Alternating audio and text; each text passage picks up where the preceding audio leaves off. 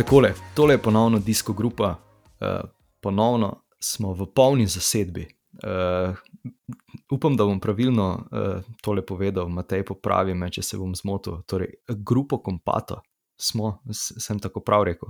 Ja. uh, tako, polni Čeprav zasedbi. nismo v bistvu na istem mestu. Ne, da Ja, ne vem, če- ja. Virtualno. Virtualno smo, smo skupaj. Uh, torej, ja, Blaž, Matej, Martin in jaz, Uroš, pozdravljeni. Živa. Živijo. Bravo. Ja. um, etape so za nami, v tem, eh, kaj bi temu rekli, lahko prvi teden, tiste tri uvodne na, na mačarskem, so bile ogrevanje. Eh, Zdaj ta prvi teden, pa eh, lahko že kar rečemo, da se je izoblikovala neka eh, skupina tistih, ki se bodo po vsej verjetnosti udarili za, za generalno razvrstitev. Eh, Pokazalo se je tudi, kateri so se dobro pripravili na Giro, uh, nekateri malenkost manj. Um, ja, Blaž, bom ti predal besedo, mogoče da, da orišeš uh, ta prvi teden Gira. Um, ja, um, Giro je bil, ja, da se je končno začel tudi v Italiji, uh, za res, da tisto na mačarskem meni niti niso tako resno jemali, ampak v končnem pa sej cesta je cesta, um, pa vsaka etapna zmaga šteje. Tako da, um, ja, no, ampak v bistvu se je pa zdaj orang začel tudi uh, v Italiji, v bistvu uh, na začetku na, na Siciliji, zdaj pa uh, tudi na, na tem celinskem delu grejo počasi proti, proti severu. Odlično. Um, ja, takoj hitro, v bistvu prejšnji teden smo snemali samo z Matejem, uh, smo nekako poskušali ugotoviti, kaj se bo zgodilo, in kar v četrti etapi že odstop uh, Miguel Angel Lopeza, ki je bojda uh, čutil neke težave z kolkom, če se ne motim. Je komu kaj več znano? Ja, v bistvu te bolečine ima on že odprej v, v levem boku, ima neke težave. Um, tukaj so pa očitno te bolečine res postale um, neznosne, da um, pač ni hotel, ni hotel riskirati. Uh, mislim, da njegova statistika, kar se tiče Grand Tour oziroma Girov, zadnjih par je kar uh, odstopil, tako da to uh, nadaljuje ta slab uh, trend. Uh, ampak ja, no, če gledamo dolgoročno, je tudi uh, za njega boljš mogoče, da gre domov, pa, pa se mogoče pripravi za tur. Ja, morda res. Eh, Preden gremo na četrto etapo, moram sem še to omeniti, da, da sem v prejšnji epizodi pozabil navreči uh, drese EF Educationa uh, in pa Alpesina. Predvsem Alpesinovi so, uh, ko grem na tržnico po kislozelje, mislim, da je dosti podobna barva kot njihov Sauerkraut, Alpesin Phoenix. Meni so všeč. Ja, Meni nisem dvoma. eh, Education first. No. Prosim. Education first, spet se mi zdi, da nek izstopa in jaz, po mojem mnenju, spet v pozitivnem smislu. Ja, meni so isto od DF-a, so mi kar všeč od uh, Alpesina, mečka ne manj, ampak mislim, da tem po enem tednu sem se jih že kar navadil no, in ni tako uh, moteče, ali kako bi rekel. Matej, kaj pa tvoje mnenje o IF uh, dresih? Ja, boljš kot original, ne, po mojem. V tem, kot Phoenix mi je povšeč, tako se mi zdi, da je kar tako klasi barva, ni. Mislim, Sauerkraut. Nek sivo zelena. Veš, ljudje take rekelce nosijo za službo, pa nima noben več proti. Tako svetleče. Ali se tleče to? No, No ja, šajni. Ja, Okay. glej, jaz bi to Eh. oblekel, no, če ne bi bilo gor sponzorjev. Ne vem, mogoče blaže ne bi bilo všeč, tako kot moj rumen. No, to, to grozen pa ta od Alpesina spet. ni. To pa je tudi res, O ja. tem govorim. ne. ja. Um, ja, da ne pozabim omeniti eh, še tega, da um, se bomo dobili na, na, tisto, na tistem zadnjem kronometru, oziroma ob ogledu tistega zadnjega kronometra v, v Velobaru. Eh, zdaj ne vem, če bomo takrat v polni zasedbi, lahko Blaž po, bo po vsej verjetnosti na kakšni dirki uh, s fanti, ampak upam, da, da nam trem uspe. Tako da mogoče en taki mali plak uh, tukaj v, v drese, pa vse ostalo. Mogoče bo takrat Matej oblekel svoj. Pa res. Prelep dres. Mislim, da že komi čaka. Ja. Bi ga zašto se. Ja. Blaž niti ne bo prišel tudi, če bo doma. ja, ne, ne, to pa ne, to pa ne. Um, ja, zgodila se je četrta etapa na etno. Uh, mogoče sem potihoma pričakoval vseeno, da bo uh, Vincenzo Nibali kaj vsaj poskusil, ampak uh, nažalost ni šlo, kakor tudi ni šlo uh, Tomu uh, Dumoleno, Dumolino, kakorkoli. Uh, zmagal je Leonard Kemna, uh, na drugem mestu JP Lopez in pa Ren Terme na tretjem. Um, kako ste vi videli tole etapo? Um, pa najetno je nekako, um, mislim, tradicija. No. Doskrat se zgodi, da pride Bek. Uh, tudi takrat uh, z Janom Polancom je, je bil Bek uspešen, uh, letos spet. Um, ja, v bistvu na koncu sta imela vsak mal svoj interes. Um, Lopes je gledal za roza majico, uh, kamna za etapno zmago. Tam je nekaj izgledalo, kot da se dogovarjata, ampak jaz mislim, da če bi se Lopezu um, ponudila možnost, da bi uh, brez problema zletel kar bi se tudi najbolj zgodil, če ne bi um, oba dva tako katastrofalno zasrala tistega zadnjega ovinka. Um, Mal me je spominjal to, uh, ta ovink na tisto etapo na Kaliforniji, kjer je Pogačal v bistvu pa na koncu generalno zmagal, tisti njegovi prvi profi sezoni, ker je takrat Higita, mislim, da je bil popolnoma ja, isto zasrl ta zadnji uvink in je potem Pogačal letel mim. Uh, ampak tukaj se tokrat ni zgodil, ker je tudi uh, Lopes uh, v bistvu še skoraj padel na koncu, bi že bil notor v Feltni, um, pa je potem kam na učprintu. No. Uh, da, na koncu dneva mislim, da sta bila oba zelo zadovoljna. Uh, uh, in ja, v bistvu Lopes še zmeraj drži roza majico in zaenkrat mu gre, mu gre to kar dobro. No. Mogoče boljš, kot je mrzlo pričakoval. Mar ja. se kdo, po mojem, sploh ne vedel, kdo on je. Ne? Ja, točno veš, to. Ja. to, to je tako, čeprav je bil lani na Vojelti 13, ne? Pa jaz tega sploh nisem opazil, ker pač tudi povem. Ja, ni se ga ravno omenjalo nikjer. Ne? 13, ja, 13 pač, se je, ne, pač je, je dober dosežek, ampak nekako za, rečemo temu, neki semi poznavalce, ko, kot smo mi, ne seže uh, spomin, vseeno pa ni, ni bila to tako vrhunska uvrstitev, da bi se jo mi zapolnili. Uh, bolj je meni bilo v tej etapi zanimivo ta, ta dogovor med Kemno in uh, Lopezom o čemerkoli, da eden od njih dobi roza majico, drugi etapno zmago, pa potem v tistem zadnjem um, vinku, skoraj da tako, da bi v bistvu lahko celo oba padla in potem ne vem, Rentaramaje pride do zadaj, do etapne zmage, rec, recimo temu na poceni način. Um, to bi bilo um, zanimivo videti, predvsem smešno, ampak ja, na koncu se je za, za Kemno dobro izteklo, konec koncev pa tudi, kot ste že omenili, za, za Lopeza in ja, tudi to dejstvo, kot, ki ga je že Blašo zdaj um, navedel, da v bistvu, če rečemo temu drugi prost dan, um, še vedno nosi roza majico, um, je kar, kar lep dosežek. No.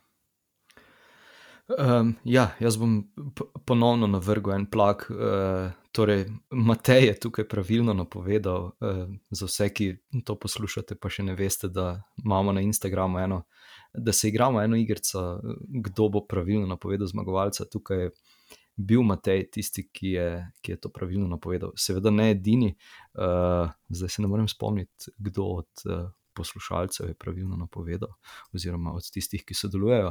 Ampak ja, Matej, bolj vprašanje, kako to, da si se odločil za Lenarta. Ker je res dober. Na, na, to, to, prva etapa ne, na Mačarskem je že skočil um, in se odpeljal. In so vsi v bistvu o njem govorili, da je v dobri formi, pa da lahko zmaga. In, um, sem si predstavljal, da bo gotov šel v Bek in da bo tam potem najmočnejši. Ne. Se ne vem, potem sem razmišljal še o, o Balkoju, Molemi, pa takih likih, ki pač radi zmagajo iz pobegov, ampak se mi zdi on bolj prekladen, glede na to, da je bil cel na klanc. Ne. Okay, okay. Zdaj sem pogledal, domen je pravilno napovedal, tako da domen vse čestitke. Um, ja, je, je še morda kaj takega, se zgodilo v etapi. Jaz, bolj kot razmišljam za nazaj, se mi zdi, da je bilo to že en mesec nazaj, pa komaj, eh, komaj šest etap, eh, blaš izvoljen. Um, ja, jaz bi pa kam, nisem še izpostavil to, um, da v bistvu ono naslednjih, oziroma v, bistvu v celem tednu je tudi. Uh, je borbo tudi za roza majico, večkrat je probal, ampak v bistvu je, je imel Juan Pelope za vse čas na, oziroma Juan Pelope je imel njega na, na Feltni, uh, vse čas ga je gledal, um, tudi na tisti etapi, kjer je Paul Degen zmagal, je poskušal, uh, ampak je bil v bistvu pripravljen Lopes uh, in ni imel težav s tem, da ga je paril, ampak ja, no. V bistvu s tem dokazuje, kako bo borben kolesar. Jaz mislim, da bo v naslednjem tednu, pa mogoče pa še v tistem zadnjem, uh, tudi poskušal doseči še, še kakšno zmago, ker trenutno je res v, v dobri formi in ga, in ga zelo dobro leti. Smešno je to, da ima v bistvu uh, Bora Hans groje štiri kolesarje, ki bi lahko uh, za generalno ja. ne derkali. Ne samo tri, ne, ne samo Džeja Hindlja, Wilka Keldermana, Manuela Buhmana, pa če Leonarda Kemno. Um, sicer ja, dobro, zdaj se je lik na včerajšnji etapi pokazalo, kdo bo očitno dejansko lider. Ampak um, tako, no, polovica vseh kolesarjev bi lahko derkala, po mojem, na deset, če bi se. Um, če bi pač za enega od njih delali. Ja, tako je. Um, v peti etapi je bil pričakovan sprint. Um, tudi tukaj smo vsi izrazili različna mnenja. Uh, jaz sem ostal zvest uh, mojemu francoskemu sprinterju, uh, za katerega sem mislil, že, da uh, se bo ponovila lanska sezona. Ampak ja, um, Arno Demar zmaga, na drugem mestu Gavirija, na tretjem uh, Nicolo. Uh, Tukaj, predvsem, mogoče treba omeniti uh, tisto razburjenje Gavirija v cilju, uh, kjer je skoraj prelomil kolo. Je, je bila to ta etapa? Ne? To je bilo, ja. to je bilo tukaj. Ja. Um, ja, to je ta Pibelnikova mesina, kako pravijo.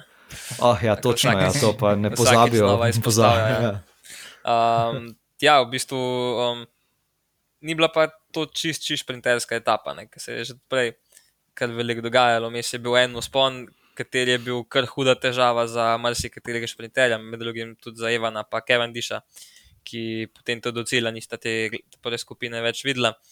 Um, tako da, ja, tukaj so z tega vidika je um, FDŽ uh, upravil zelo dobro delo, da je pač uspel narekovati tako težek tempo, da ta skupina zadnji ni ujela.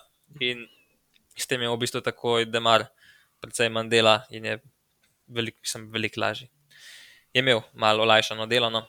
Uh, kar se pa tiče Gavirja, on ima pa tukaj težavo, da je imel um, nekaj mu je zaštekel menjalnik in uh, ni mogel dati tu težjo predstavo, in mu je v bistvu zadnji ustal v uh, zobniku, oziroma verižniku s 14 zobi, kar uh, pomeni, da uh, je razvil res na normalno kadenco tam, da je na koncu usvojil še zmeraj v tem primeru odlično drugo mesto, ampak kot smo videli, on s tem uh, ni bil prav zadovoljen, ker je imel zelo dobro možnost za zmago, ampak uh, ja, očitno nimajo samo pri sramu probleme, ampak še kje druge.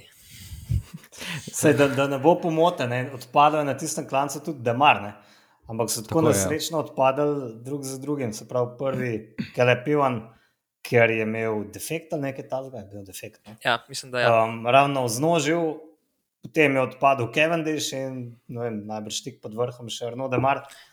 Uh, in potem so bili tako nesrečno razbiti po celem klancu, da niso mogli skupaj loviti, ampak so lovili na, drug drugega, pa še peloton, potem vsi skupaj. Tako da um, uspele, seveda, samo Demarijo. In um, klem je pa zanimiv, da Alpecin Phoenix, ki je v bistvu ta dar mar naredil, ne?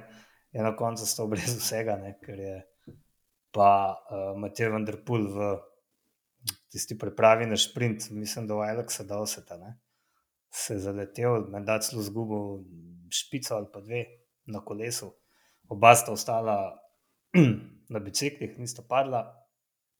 Um, ampak ja, to je bilo glavno to. Mislim, da je bil Gavirja tudi zato tako slabe vole, ker se pa res videl, da, bo, da mu bo tokrat uspel, ne? če tista na papirju najmočnejša manjkata.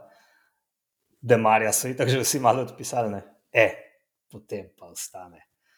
Tam zašaltam nekje in spet ni bilo noč. Um, Blaž, za tebe vem, da se sedaj učiš italijanščino. Kaj točno pomeni, eh, ki bici di merda? Mislim, da ne rabimo prevoda. Ne? Ja, mislim, da ne. Pa kaco di biči je tudi že bilo, ne sem to bil pa rup, par let nazaj, ampak ja. Mislim, da tukaj ni bil sam proizvajalec eh, kolesa oziroma okvirja kriv, ampak kaj drugega. Ampak ja, take stvari se pač. Se dogajajo, ponavadi pa zmeraj takrat, ko je najslabši moment. Definitivno, eh, pa, pa vsi z veseljem priletijo zraven, pa to posnamejo. Uh, ja, to je normalno. uh, Martin, bi ti kaj dodal? Ja, lahko govorimo o smoli, da Marja, mislim, uh, Gavirje, o nekako sreči, da Marja v smislu, da je pač Evan res precej zgodaj imel težave v klancu in se nekako potem nista niti z Kevin Dishem uh, skupaj ujela. Kevin Dish je svojo ekipo oziroma svojim vlakom prišel, mislim, da tam najmanj na minuto, um, pa nekako niso uspeli priključiti do pelotona. V samem zaključku pa ja, um, Gavirja je v bistvu kar v dveh zaporednih sprintih, do, do drugega še pridemo, imel kar neki smole, um, tako da ja.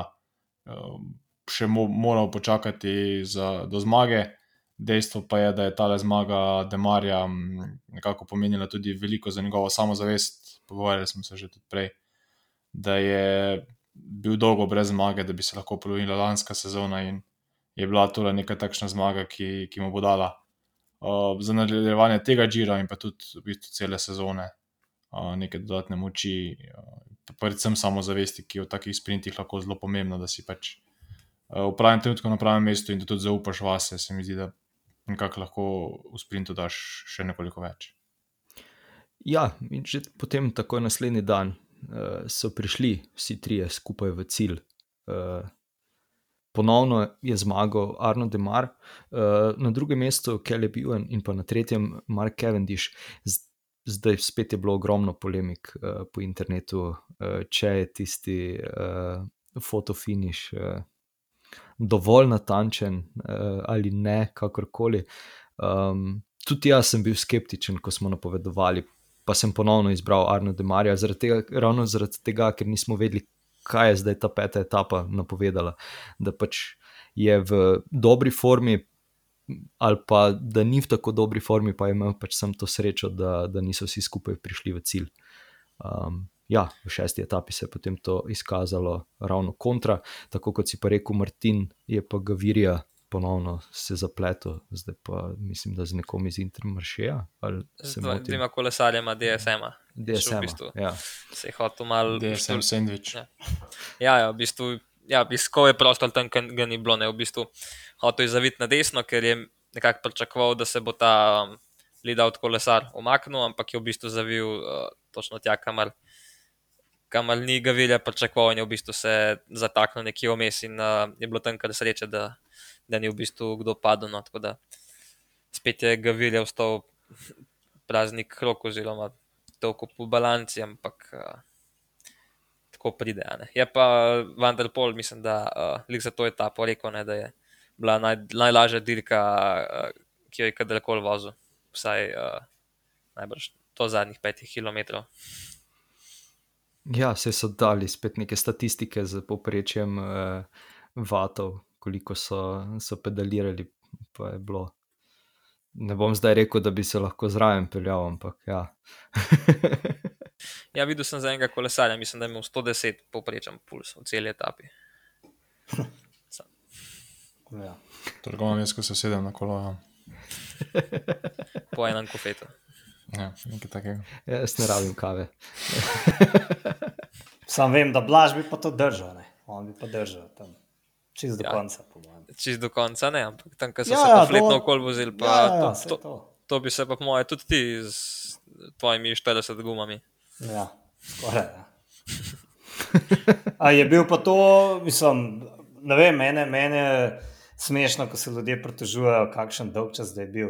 Mislim, vse kolesarstvo je dolgočasno v resnici. Pogledaš zadnjih 20 minut in je to tone.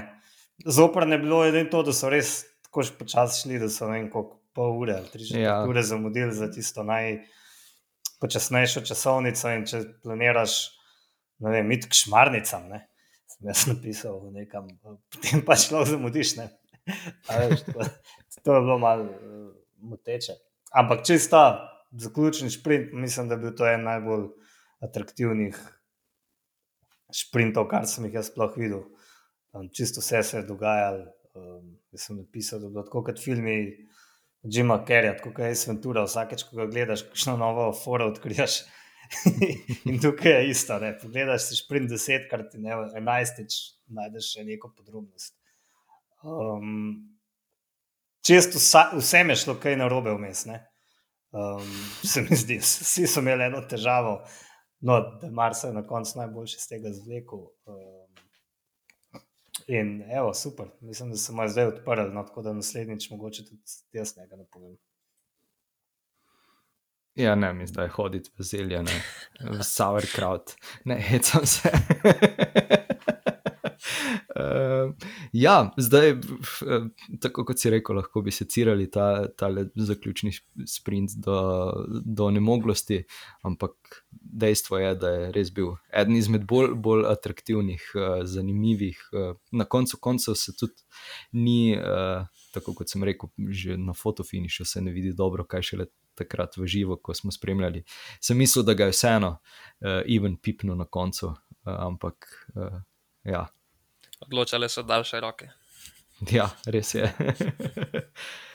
um, no, na to pa sedma etapa.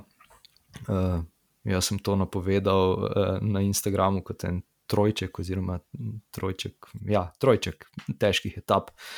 Um, napovedovali smo uh, beg, ampak uh, vseeno, Kun Bauman je presenetil na vse zadnje tudi samega sebe. Sicer je rekel v izjavi, da bo poskušal vse, da pride v ubežno skupino, uh, Tom Dumoulin je odločno zanikal, da bi kaj takega poskusil, uh, in potem sta se znašla eh, med uh, Molemo in uh, Formulom. Tako da, ja, Martin, izvoli.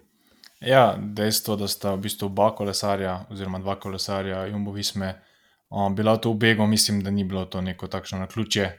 Uh, tudi domolenje, mogoče kakšno etapo prej namenoma dobil nekoliko uh, zaostanka, um, tudi zato, da ga, da ga peloton spusti v ta beg.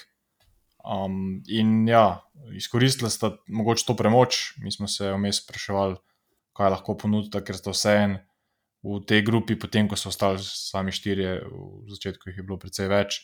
Ampak na koncu, ko so z Bavkem Molemo in pa Davidom Formulom ostali sami, sta nekako uh, Formulo in pa Molema veljala kot za glavna favorita.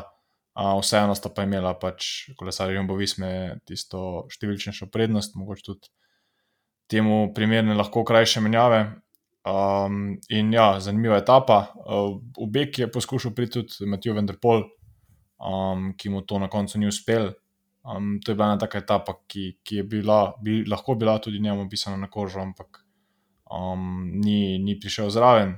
Um, tam vemo, da so kar v teh etapah, kjer imajo specialisti za bege ali pa kolesari, ki za generalno nimajo več možnosti, takšne etape obkrožene in veliko krat na začetku etape vidimo to, to vojno za, za mesto v begu. Ja, peloton ne želi spustiti prevelikega bega nikakor si ne želijo nobenega od uh, favoritov za generalno noter. In tokrat je v bistvu Bek uspel, in uh, Kenan Bauman je v bistvu bil nekako največji srečnež, oziroma izkoristil potem v tistem zaključku, tistem sprintu, je bil najmočnejši in v bistvu niti tu nismo potrebovali nekega fotofiniša, da smo z lahkoto ugotovili zmagovalca. Um, ja, um, kar je bilo meni tukaj v tej etapi še zelo zanimivo, je to, da uh, roza majica uh, odloči, kdaj se gre scat. Ali pa to najbolj, mislim, tako pride prav na čelo skupine in pokaže z roko, evo, tukaj se zdaj vsi ustavimo, odtočimo in pa gremo naprej. Uh, tako da, ja, no, v bistvu to je uh, ena izmed dobrih strani, če imaš oblečeno roza majico. Uh, kar se pa, kar je, se pa meni v zaključku zelo zanimiv zdel, uh, je pa to, kakšno samozavest je tukaj uh, Jumbo v bistvu imel uh, v ta sprint uh, Baumana. Uh, ker ponavadi, če, če sta dva kolesarja, probata tako zadevo že prej razčistiti. Um, tukaj pa v bistvu smo videli v tej etapi, kot pol um, naslednji dan, ker je Gen zmagal. Ne? Da v zadnjih kilometrih je v bistvu pač en kolesar samo bil na čelu, narekoval nek tak zmeren tempo in s tem pač okay, preprečil, da bi druga dva, oziroma drugi kolesari napadali. Ampak sprint je v bistvu vedno rizika, um, vsaj do zdaj je tako veljano zdaj se zgleda trend, vse en malo obrača in uh, se pač. Treba je pa pri takih zadevah biti zelo samozavesten, pa hkrati tudi zelo velik pritisk, ker v sprintu se lahko zgodi marsikaj, um, lahko, ti, lahko ti menjalnik ostane v 14, ki um, lahko kakšno novin, kakšno linijo narobe vzameš, pa se hitro vse podred. Je rizik, ampak uh, tako tukaj se jim bo to splačalo, kot tukaj, tudi uh, so dalo potem naslednji dan. No je v bistvu lahko bi šlo vse na robe. Mislim, ja. vmes je že šlo, ne? takrat, ko je eh, Bauman, uh, Bauman to sem ga poslovenil zdaj, uh, odpadel na tistem klancu, uh, um, pa se potem na tem povrnil. Uh, pa, sicer, sicer pa je res, da je vse skupaj uh, med etapo, ne vem, formula uh, in pa bavke molemo, brez problema, če printamo na vseh gorskih ciljih. Ne? Eh, tako da še obleko ob enem majico. Uh, tako da, ja, uh, izvoli, nekaj si želel reči, pa sem te prekinil. Do jaz. Ja, ti ja. ja. Uh, ne, v bistvu, ja, to je to, kar sem hotel povedati. No, da zgleda se, da je trend obrača, ker ponovadi je bilo dobro take stvari razčistiti čim prej, sploh če je številčna premoč. Ampak. Uh, Ja, očitno so vedeli, da je Bowman tukaj v, v dobri formi, da ima tisti pospešek še za na koncu. Uh, um, da bo pač, da jim lahko stresu formula in bavke, ja, ki sta drugač. Pa, nima, pa ni dveh, nikoli ne veš, ampak ja, tukaj na koncu v sprintu se je videl, da, da sta že kar dobro pečena od vseh tistih napadov. Um, tako da ja, tukaj, tukaj se jim je išlo, tako da je tudi uh, Jumbo nekako uh, rešil ta ležilo, ne glede na to, kako jim bo šlo od zdaj naprej. Res je. Um, bi vidva kaj dodala, Matej Martin? Jaz sem gledal samo highlighte te etape, ker prej nisem imel časa. In, ne morem kaj dosti sodelovati v tem pogovoru, se upravičujem. A ja, točno je, ti si svojo dirko dirkal. Ja. Ti si bil tudi tako pečen, kot Formula in Molema. Ne, on dan mi je še šlo, to je bil petek. Ne? Ja, ja. petek mi je še šlo. ok. Uh, osma etapa, uh, dirka po Neaplju. Uh, ja, sicer dirka po Italiji, ampak vseeno, neapeljska etapa. Tukaj sta bila Binjam Girmaj in pa Matthew Underpool tako izrazita favorita, da, da doben sploh ni uh, upal pomisliti, uh, oziroma so bile samo uh, tiste sanje ali pa velike želje, da bi kdo drug posegel po zmagi. In to se je zgodilo. Um, ja, blaš izvoli. Um, ja, v bistvu um, meni se pa take etape zdijo kar, um, kar zanimive, no, da so vključene v nek pač, etapno dirko, ki v bistvu zgleda kot nek kriterij po mestu. Najbrž je mesto Neapelj, ker veliko denarja uh, tukaj vložilo. Da so se tole šli, ampak um, ja, v bistvu navijača je bilo zelo veliko, ker gre pač za, se gre za krok in velikrat pridejo mimo. In je v bistvu zelo zanimiva zadeva. Um, tudi v bistvu, ja, sam zaključek, če gledamo, tukaj sta v bistvu Grima in pa Vanderpol večino vse naredila prav, razen tisti beg, ki se je odpeljal. Ravno ta beg je potem prišel do konca, tako da tukaj sta, sta žal zamudila. Um, sta pol v bistvu zelo, zelo složno. Um, lovila, ampak eh, nažalost ima izmanjkalo jih ene par, kakšen krok, pa bi mogoče že bila zraven, ampak ja, je zmanjkalo, zmanjkalo kilometrov. Uh, v bistvu tukaj je bila pol situacija na koncu uh, zelo podobna kot prejšnji dan, ne dva kolesarja iz iste ekipe. Um, ki v bistvu nista probala zadeve razčistiti prej, ampak sta samo čakala na sprint. Um, ker se zdaj tudi meni zanimivo, vse da gen tvemo, da je dober kolesar, ampak tako, da bi v, v sprintih neke manjše skupine, pa ga nismo jih navajeni uh, videti zmagovati, ponavadi je se je odpeljal solo že veliko, veliko prej, um, potem zmagal. Tako da, uh, ja, v bistvu pri svojih letih ni več lih najmlajši. Uh, pa v bistvu po nekaj letih nazaj, ne vem, da je zmagal etapo čez Telvijo, oziroma na Telvijo. To je bilo, koliko me te mogoče ti veš, je bilo že deset let nazaj. To je, mislim, da bo bilo deset let nazaj, na Džiru. Ja, ja, ja. ja. No, no, to ni da... bilo na zadnje, še vmes je zmagoval, ne? ampak res pa la, lani. Ne, na Džiru ne. Ja, na Džiru ne, ampak da, se je tako slišal, kot da ni zmagal že deset let. A ja, ne, ne, to ne. To ne. Je pa res, da je na zadnje na dirki po Kataloniji in da mu potem je lani na Turu napisal, da bi rabo drug par nog nekaj v tem smislu. Tako je. Ja, ja. ja. Um, Neho je verjeti vas, ne. Se mu je zdaj očitno zaupanje vrnilo. Mi je pa zanimivo, ko praviš, da sta Vanderpool in Gilmaj naredila vse prav. Meni se zdi, da je Vanderpool že na je, drugem, tretjem kilometru, da je naredil napako, ko je pač šel um, na past 170 kolesarjev kot prvi favorit. Saj delno razumem to, ne hočeš narediti že na začetku težko derko in če si vendar pul, ti to lahko uspe, ampak on je vsem takrat. Postrelil ogromno enih nabojev in derko, kot da sploh nima ekipe s seboj. Ne?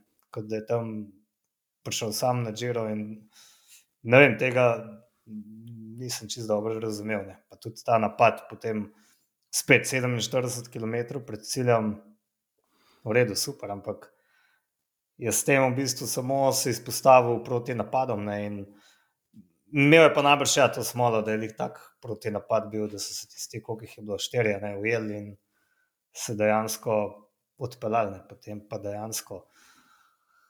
Mu noben bo pomagal vleči od prostanka. V redu, pomagal je Germaj, ki je še imel neke realne možnosti, oziroma če bi prišla z Vendrpulom skupaj v cilj, mislim, da bi ga celo najbrž odšprintal. Ampak njima dvema pač nihče ni hotel pomagati. Spredje so bili pa štirje. Um, s Tomasom Degentom, mislim, da brez, brez njega v obežni skupini bi pa tudi ujeli tiste tri. Ne. Ja, jaz sem bil prepričan, da, da Tomas Degent eh, dela za, za Harman Huka. Se je najprej, to, koliko... tako, najprej bilo tako mišljeno. Okay, okay. uh, ampak je potem Van Huke povedal, da ima slabe noge in so taktiko spremenili, ne enostavno. Yeah. Ja. Um, ja, no, da, ti, da ti odgovorim. Sej, če kolesar napade 170 km do cilja, to ne pomeni, da on hoče zdaj solo odvoziti uh, celo delko sama. Ne? Razen če je Diego Roza, pa pač to smolo, da ga noben ne prime. pa pol solira do 20 km do cilja, ampak pač v tem primeru je bil namen samo to, da se čim prej vzpostavi nek uh, večji beg uh, in da je pač on zraven, ampak en ga mora začeti. In pač v tem primeru je upal na to, da se bo naredila neka skupina, ki bo šla z njim in on bo notar ne? in je v bistvu lahko zadevo v nekakšnem sebi uprit. Uh, Tako situacijo naredil že zelo zgodaj, in se s tem pač um, Ja, ja, se to razumem. Pač, do konca, to razumem, vzel je stvari v svoje roke. In, ampak bil je kot 10 km sam ne? in očitno ga je mogel kar dobro žežiti, da je to časa trajalo, da so ga sploh ujeli. Um, ja, super, ampak mislim, da je tam pač pokuril ogromno energije, ne? ki bi jo najbrž pozneje tudi prav prišla. Jaz imel nekako občutek, da se je potem predvsej bal Germaja. No? to je bil poln potem drugi napad, ali kjer po vrsti, ko je ta 45 km pred ciljem mm, bil mogoče pač bolj butast no, kot prvi. Um, ne vem, no, mislim, da on pač dirka na moč, da gent pa bolj z glavo in to, kar ti je zmagal, pametnejši, ne. bolj zvit, bom rekel, ne pametnejši, bolj pribrisan. Ja, je pa dober sem... point, no, ja, ne, to se postrinjam. Pač na začetku je Dirko vzel svoje roke. Um, in ja, pač sej. Ne vem, to se mi zdi malo smešno. No, potem je minil koliko etap, ko je bilo to 8, 8 etap, pa ima še le eno zmago. Ne. To, to sem malo tako slišal, ampak dobro, za Vendrpula jaz mislim, da si je želel kakšno več ne, do tega datuma. Ja, predvsem bomo videli, če bo, če bo zdržal do konca žira ali bo prej odnehal, uh, če bo prej pospravil kavčke. To se zdaj vsi sprašujemo. Ali ga bo spet Eddie Merckx zmerjal. Ja, dobro. Um, ja, nimam komentarja. Uh, no, na to pa se je zgodila deveta etapa, včerajšnja etapa na Blockhouse. Uh, zmagovalec, presenetljivo, uh, Jay Hindley, na drugem mestu Roman Bardet in pa na tretjem Richard Carpas.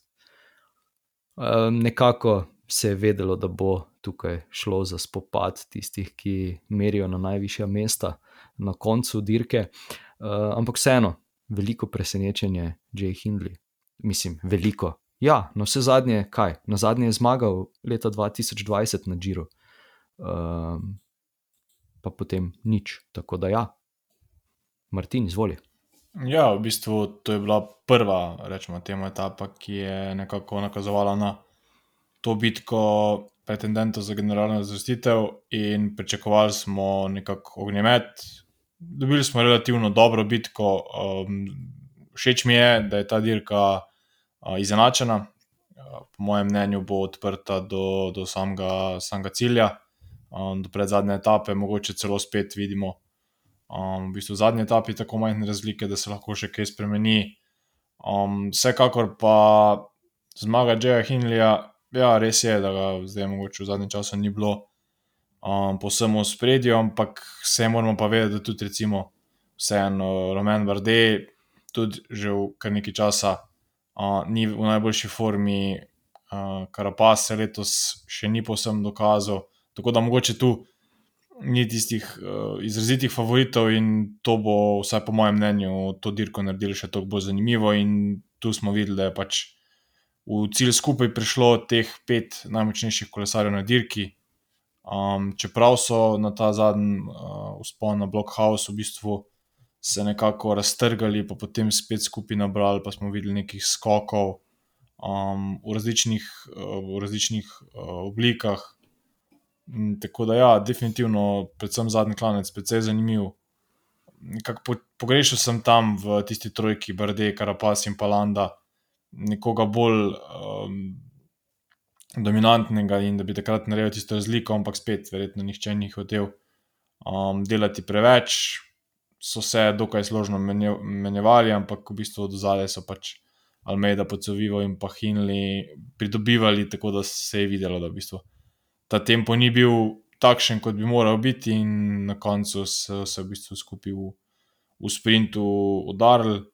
Um, definitivno po tej grupi, sicer je zaostal nekoliko za njimi, Domenico Pocovivo, ena od enih kolesarjev, ki ga je zagotovo potrebno omeniti, ker pri ne najbolj rosnih letih um, je na tej etapi predvsem pokazal odlično dirkanje. Mislim, da bi še tudi v nadaljevanju tega žira, če bo le moči prave, lahko od njega videli tudi mogoče kako napad na etapno zmago je definitivno ni šlo na polno, fanti zadnji so se obmetavali z bidoni, tako da eh, je bilo časa za, za zabavo več kot dovolj. Eh, za, za vse, ki etape niste gledali, je Juan P. Lopez eh, zalučal bidon v sam omna, umen, umen. Eh, Kako? Zanimivo je, da tega incidenta pa res nihče ni videl, očitno. Ne, ker... ja, zelo slabo se vidi na tistem helikopterskem posnetku. ja, pa se vidi malo. Malenkost se vidi. Ja. Če, če veš, kaj moraš gledati, uh, vidiš. Eh, če pa, če pa ti nekdo pokaže posnetek, pa reče, kaj se zgodi. Pa, ja, tako, tako. Ampak, ja, ja, no, in tega fanta, ki je očitno res zelo lepo vzgojen, ne, po celju vprašal, kako je, je bilo, ne, ker je pač z mukoma in zelo impozantno obdržal roza majico. In prvo, kar reče, je, da bi se rad upravičil človeku, ki je pač zdaj bidon, ne vem, glava ali kam, kako koli. Um, lahko bi bil tudi tiho, ne šel lepo do človeka in se bo upravičil. Kar... Ja, jaz nisem na začetku vedel, kaj poslušam, če, če, če prav sploh slišim, kaj se, kaj se dogaja.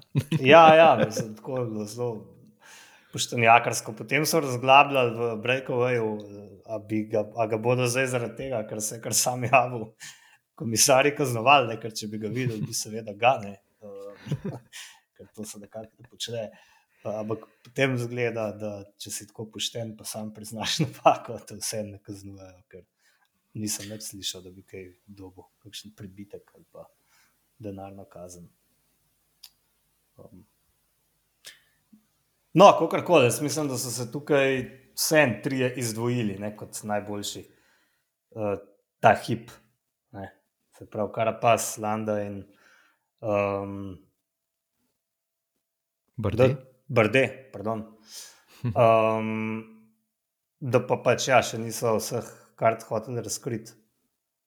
Um, izpostaviti je treba, da očitno Ineos spet derka na dobri, stari, preverjeni način, kar si najbrž lahko take konkurenci privoščijo.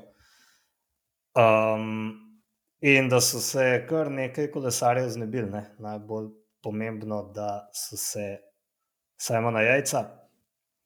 Uh, njega so pritisnili že najetno, ko sem jaz um, potem bral tisto izjavo Riča Porta, da najprej niso imeli plana, da bojo navijali uh, najetno, ampak so ga spremenili. Ja, seveda ste spremenili plan, ker ste upali, da boste revaža Jajca, ki je padel na začetku etape, spravili v težave. Ne?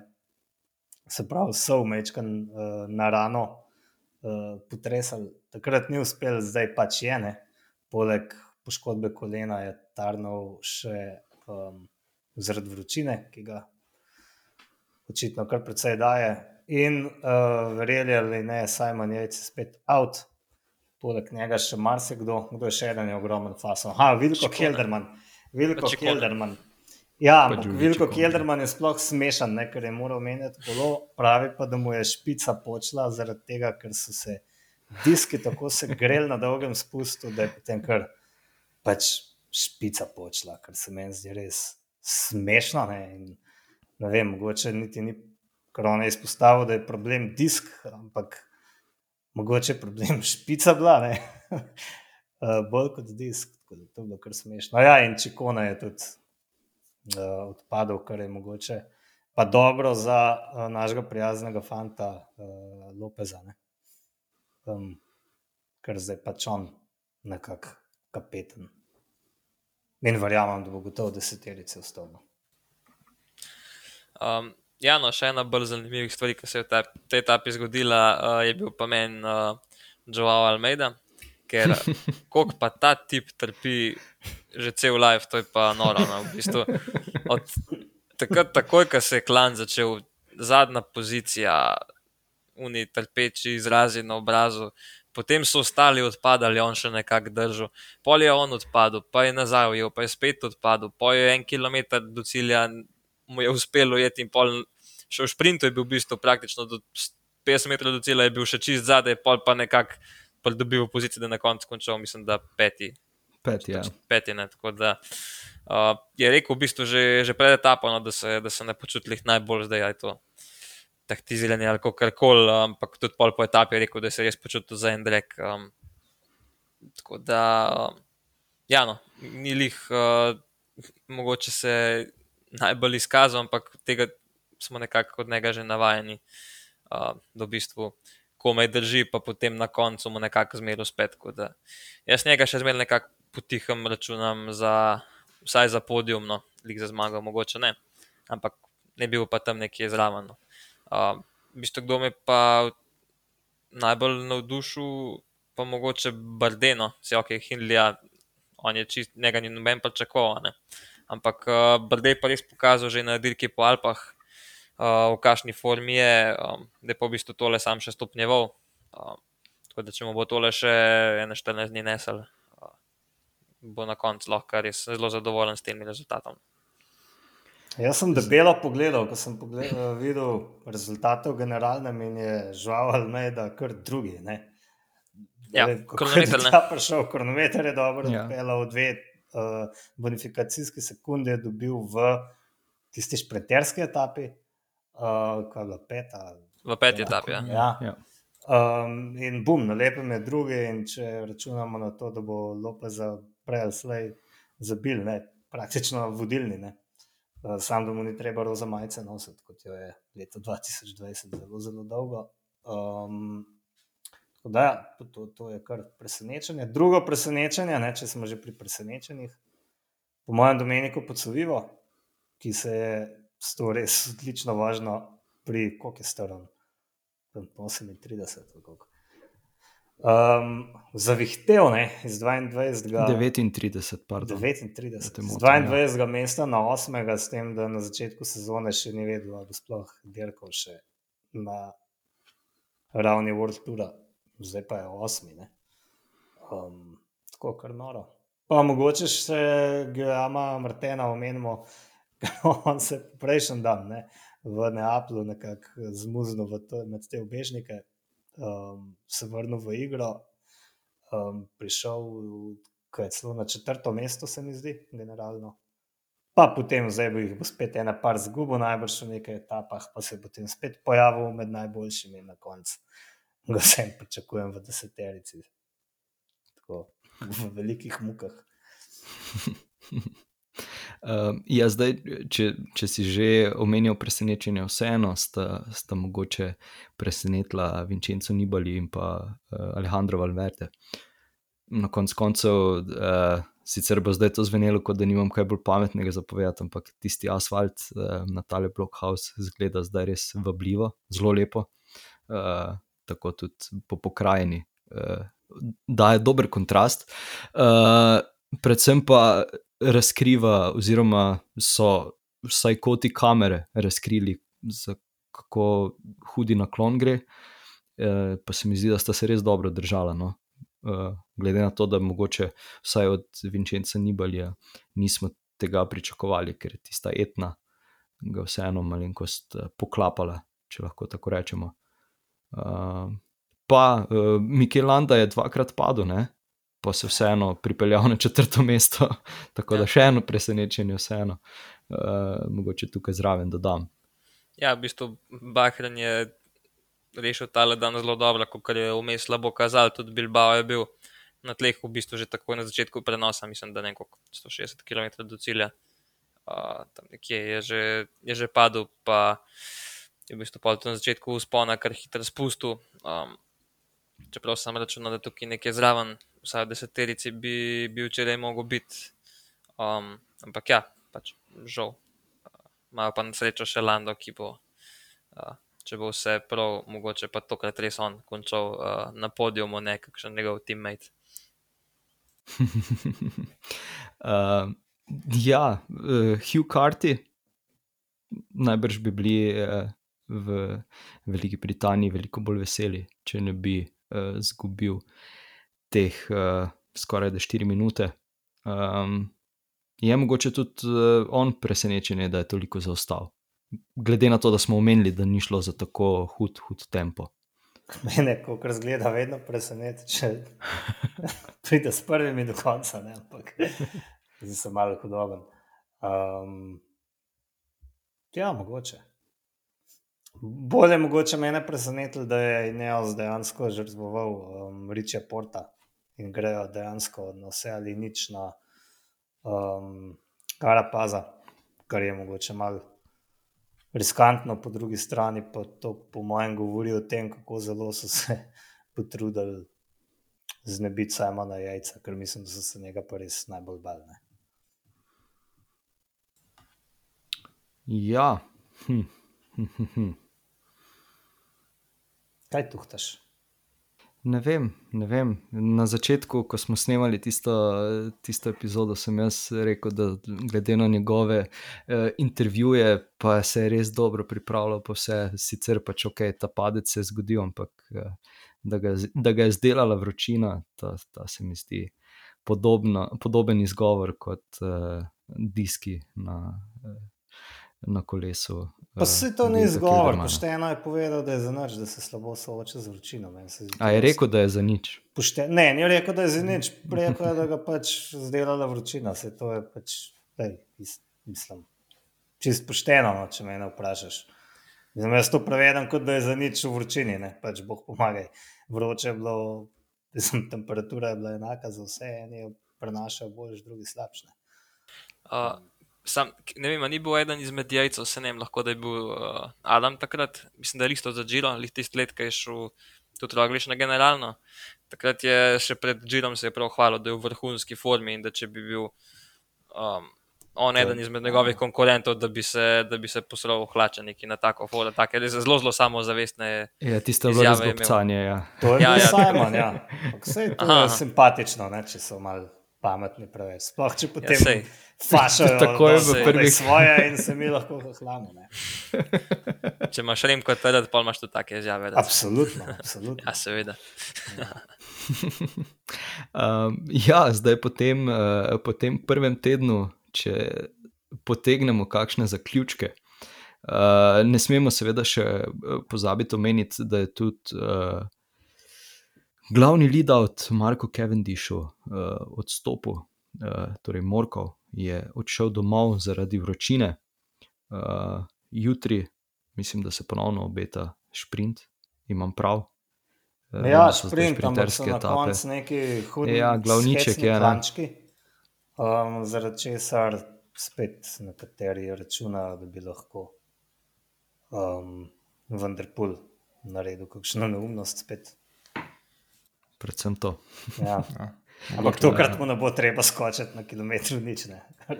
Razen če. Razen če ne. Ali Ja. pač. Tudi zadnjič mu ni bilo treba. Ne, Ne, bo jutri spet dolg čas, verjetno, ne, prva polovica etape. treba mu ni, ampak Ja, um, torej odstop Morkova. Uh, kot pa sem že rekel, če potegnemo neke usporednice, kaj, kaj lahko pričakujemo, da bo Juan P. Lopez vse do vikenda poskušal zadržati majico, kasneje pa se mu bo slejko prej izmuznila z ramen ali. Ja, poskušal bo, po moje, bo, bo res, res grizel do konca, pa tudi polka bo majico zgubil. Bo probo ustati čim više, ampak ja, no, ni, ni za pričakovati, mislim, da do vikenda uh, jo bo, jo bo že kar zgubil. No. No, do vikenda, zgubo je bo v soboto ali pa nedeljo, če bo prej, bo najbrž bo šlo kaj zelo narobe. ne. Ja, predvsem, predvsem je mogoče. A ja, Treba- tako dolgočasen vik, uh, teden imamo pred sabo. Ja, ja, ja, ta teden, potem mislim, ni dolgo časa, ampak lej, spravi jutri ta šprinterska etapa z nekaj kucli. Aha, pa je Uh, palačinka. 11. etapa je tista, ja, ko bomo parmezani Uh, jedli. food stage, tako. Yes. Ja, um, 12. etapa bojo ali ubežniki, ali, ali bo šprint, mogoče celo. 13. etapa šprint, no 14. je pa že sobota, je pa tole, um, ko bojo dirkali čez um, v Turinu, čez Supergo, tam pa bi že znali se mu kaj zalomiti. Um, v nedeljo pa pač ja, tista prva resna gorska. Ne. To pa ja. Uh, želel sem omeniti še uh, super dirkanje uh, Intermaršeja, ki, ki mene vedno znova preseneča. No. Mogoče zaradi tega, ker imajo toliko grde drese, pa jih ne jemljem resno. Uh, Ja, jaz mislim, da do nedavnega ni nobenih, uh, kaj dosti resno jemal. Um, pa v bistvu se vozijo na zelo solidno, tudi lani, oziroma odkar so postali profi ekipa, so jih vsi tako malo zviška gledali, da so pa v bistvu pokazali, da so ena taka čist konkurenčna ekipa. Um, da, okay, ne bojo jih serijsko zmagovali, ampak še zmeraj pa večkrat, kot mogoče kakšna ekipa, ki, od katerih bi se pričakovali, da, bi- da bi se boljš vozila. Tako da jaz to, jaz to res rad vidim, no, kakšne take outsidere, da jih tako lepo tele favorite namečajo. tako Ja, pa in predvsem- ja. oprosti. Ne, ti kar, kar. Uh, Binjam Germaj ima zelo dobre možnosti za ciklamno majico ne, na koncu. Um, drugi, je. 27 pik za Demarjem. Uh, in če bo Demar pač serijsko še naprej zmagoval, potem verjetno ni. Uh, potem je verjetno, ker on zadržil v nasprotnem primeru, pa mislim, da lahko fant tisto majico odnese domov. Ne. Um, to bo tudi ogromen uspeh, najprej za Intermarše. Ker to se bo vendarle zgodilo v eni taki dosti resni konkurenci. Ne. Uh, ja, jaz sem želel sem še tukaj napeljati uh, tudi na to, da je konec koncev uh, Degent uh, nekako. Ne bom zdaj reš, re, rekel, da rešil Džiro, ampak rešil ta prvi teden, ko se pač Kelebu Ivanu ni vse poklopilo tako, kot bi moglo, zaradi tega, ker se tudi oni borijo za tiste točke za obstoj v, v World Touru. Ja, blaš. Um, ja, no, jaz tudi prvo rekel, uh, lih, uh, na, lih, glede tega, ne, da zdaj so pa vse, vse nabrali nekaj točk. Pa sem pa pogledal rezultate te dirke, ki se je odvijala v Franciji, pa je imela v bistvu Arkea ena, dva, tri kolesarje v top 10. Od tega zmagovalca, se pravi 200. Uh, 70, 60 točk so pobrali v bistvu v, en, v enem dnevu. Ne. Tako da um, je še zmeraj za Lotus udar, kar, kar dolga, da bodo ostali med profi. No, ker... In, in, in Ja, povej. Pasta, ne, uh, Arkea bi, je dobila vabilo za Džiro, ker je druga najboljša uh, ekipa uh, proti tem. Um, pa so to vabilo zavrnili in je bilo takrat nekaj cirkus, ampak zavrnili so ga ravno zato, da na teh čudnih uh, derkah nabirajo ogromno točk, medtem ko vidimo, ja, da Loto pa tukaj trpi in se potem nekaj tapne zmage veselijo, ki vse en, ne vem, koliko je to vredno, sto pik, ne, etapna zmaga. Ja. Um, tako da, ja, očitno tako dobra taktična odločitev za dirkanje, pa seveda se najbolj strinjamo, da to ni, ni ne vem, kako dober. Pa da mogoče tudi ta sistem zbiranja točk, mogoče mečkam zavira atraktivnost uh, dirkanja. Ne. Ja, če, če, gremo, če gremo v to smer, uh, ko se posluša uh, športne direktorje in ostale, de, ki, se, ki se pač s tem ukvarjajo v ekipah, uh, so vsi enakega mnenja, da pač ta sistem točkovanja ni najbolj, uh, najbolj kako bi temu rekel, fair. Ja, skratko besedo. Če tako rečemo. Ravno zdaj si navrgel vse, vse aspekte, ki jih povedo, pa pa povedo tudi, da se ne strinjajo s tem. Da, ja. Um, ja, se je zgodilo še kaj takega v tem prvem tednu, um, kar bi bilo vredno omeniti. Uh, preden uh, zaključimo tole debato, gremo na trivia in uh, potem jaz rečem, da zdaj pa dalje glasujemo za svoje favorite. Ja, je še kaj takšnega bilo. Pa, mislim, da smo bili da smo bili kar izčrpni, no, se jih je bilo kaj tazga. Ampak ja, v bistvu, ditkar se je skoraj vsak dan, razen na tisti dan uh, transferja, ne dan počitka, ne. Lahko temu rekel. Um, tako da ja, no, mislim, da, da je bilo to kartono, več pa, več pa naslednjič. Tako je. Um, ok. Martin je danes imel težek dan, zato mu je trivije vprašanje uh, ušlo iz rok. Um, Kdo od vaju se prvi javi, Blaž ali Matej? Lahko jaz. Moje, moje je tako. Um, uh, vprašanje z področja geografije ali pa uh, regionalne politike, če hočete. Uh, Italija, Italija sestavlja 20 dežel, um, letos jih bo Džiro obiskal kar 15, pet pa jih ne bo, da bi znala kakšno našteti ki, ki letos ne bo videla Džira? Ah, jaz poznam predvsem tale severni del Italije, dol, pa, dol se mi pa ne sanja, uh, kaj je dosti, uh, ki je kaj. Tako da tukaj mislim, da bom težko kaj, kaj prav zadev. Sploh ne bom šel v te geografske sfere, da si ne naredim blomaže. ja, vsaj za eno bi morala vedeti, ne, glede na to, da veste, da na Sardinijo tudi letos Džiro ne pride. Um, potem pa ni obiskal še Apulja, to je ta čist skrajno jugovzhodni del peta tega italijanskega škorna.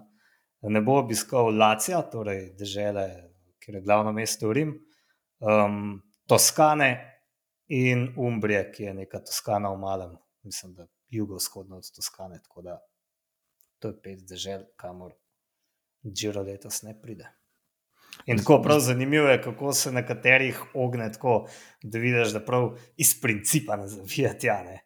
Um, ker pač najbrž niso častili. Važno, da gre čez Slovenijo. Ja. Ta, ja, tako ne. Tako. Pravi, To, to so, to so To itali- častili. Ja. italijanske gorenske, če tako gledamo. Nekdo je mogel. Ja. Um, Ja, dobro. No, ja, sem jaz pol na vrsti. izvoli, seveda.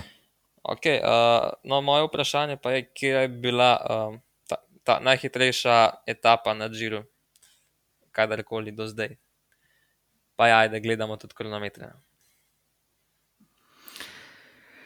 Um, je bil nek kronometer. Oziroma, kdaj? 58 celih nekaj, nekaj kilometrov na uro je bil kronometer. Pa ni bil Gana lani. Koliko si rekel? 58 Aha, celih okej. nekaj, nekaj. Pol si nekje že dobil to informacijo. Ja, ja, ja, nekje sem prebral, ampak ne spomnim pa se, kdo, kdo, je, kdo je odpeljal uh, tole etapo. Oziroma, okay. kronometer, No, Matej, se tebi kaj sanja, kdaj je to bilo? Ne. Ne, no, tudi meni se ne bi, če ne bi tega prebral. Uh, to je bil Belgic Rik Verbrugge. Uh, leta Res je. 2001 je. je postavil ta uh, rezultat, sicer ja, povprečna hitrost na prologu oziroma kronometru je znašala 58,874 km na uro. Prolog je bil pa dolg uh, 7,6 km. Um, sicer ne ali je bil to nek ravninski z neko hudo burjo varit, ali je bil pa v bistvu to prolog na spustu, uh, ker ja, taka brzina je res kar ne normalna. Ja. A veš, zakaj eh, sem, sem vedel, oziroma sem prebral tole? Zaradi tega, ker sicer imam dve trivije vprašanji pripravljeni.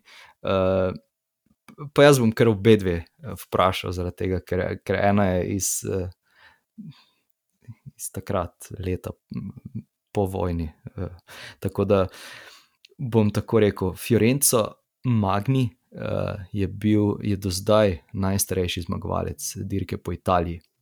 Uh, 1955 jo je zmagal, uh, pa me zanima, če kdo ugotovi, koliko je bil star takrat. Bil če 40. Ne, ne. bom ne. tako rekel, če, če bi letos jo zmagal uh, Vincenzo Nibali uh, ali pa Alejandro Valverde, bi definitivno bila uh, starejša. Lahko pa še mladenič. Ja, za te cajte. Ja. Kaj, 35. Jaz rečem 37. Ok, Martin. Ja, tam nekje, med, jaz pa rečem 36. Ja, Fiorenco Magni je bil star 34 let in 180 dni. Tako da zdaj lahko rečemo 34 let in pol, tako preko palca, um, ko je zmagal uh, dirko po Italiji. Ok, ta je, ta je bila takšna bolj za ugibanje. Zdaj pa, ker si imel ti blaž najhitrejšo izvedbo, pa me zanima, če kdo morda ve, katera je pa bila najpočasnejša etapa. Uh, oziroma, etapna zmaga, ja, seveda, ne, da, ne bo, da ne bo eh, napačno vprašanje zastavljeno. Torej, bila je zmaga na etapi in pa najmanjša izmerjena hitrost za etapno zmago. Dobro, sam Džiro ima več kot stoletno zgodovino. Ne, To je- Ne boš verjel, bilo je to 12 let nazaj. Wow. Ja, To je najbrž neka, kakšen kilometr na, na tale zonkolan, kaj podobnega. Je bilo to se ne vem. ja skoraj da. Skoraj da. Uh, Stefano Karceli uh, je zmagal, bila je poprečna hitrost 18,67 km/h, uh, bil je to pa uh, kronometer na Ukeber, na Plan de Corones, uh, in ba je še bil. Uh, uh, Torej, makadam, kontraveter, vse živo se je dogajalo. Bi bilo vredno pogledati, uh, če, Aha. če so slučajno, kje, uh, eh, če slučajno, kje obstajajo posnetki. Imel je tak čas zmagovalec. Tako je, ja. No, koliko počasi so se pol šele ostali vozili. Uh, Veš, kaj me ja, zanima, koliko počasi bi šli mi gor. ne? uh. Zdaj, uh, še, še mogoče nekaj specifičnih podatkov. Torej, uh, imel je predstavno razmerje 34-28, kar je za profesionalne kolesarje kar spredaj, predvsem mala šajba. Potem pa. Ahahaha. Ivan Baso je dve minuti in pol skoraj da zaostal za njim. Uh, Riči Port pa tudi uh, dve minuti 36, uh, tako da ja, kar, kar zanimive številke. No. Jaz, jaz sem se zdaj pogledal na hitro, še, da je zadnji ne, uvrščen, je imel poprečno hitrost 15,19. Um, nek kapelj Armano pa je prišel v cilj um, iz, za rampo, imel pa 14,8. Ja, jaz si upam napovedati, da bi bil tam nekje med 6 do 8 km/h, mogoče ob dobrem dnevu. vetru. Ja, pa vetru. Vzgodnik. Tako. Um, ja, to bi bilo to ne, za danes. Pa, pa komaj čakamo ta teden, ki se bo razvil, pa potem novo epizodo in vse ostalo, kar spada zraven. Ne pozabite napovedati svojega zmagovalca. Um, ja, vabljeni k sodelovanju. Pa seveda, če, če smo kaj, kaj butastega povedali ali pa kakšno stvar pozabili, ki bi jo bilo vredno omeniti, nam napišite, z veseljem preberemo uh, vse, kar nam poveste, oziroma kar nam napišete in svetujete, ali pa kakorkoli. Uh, lepo bodite, fanti, se vidimo in slišimo. Čau, dio. Enako, živijo. Čau, dio. Čau.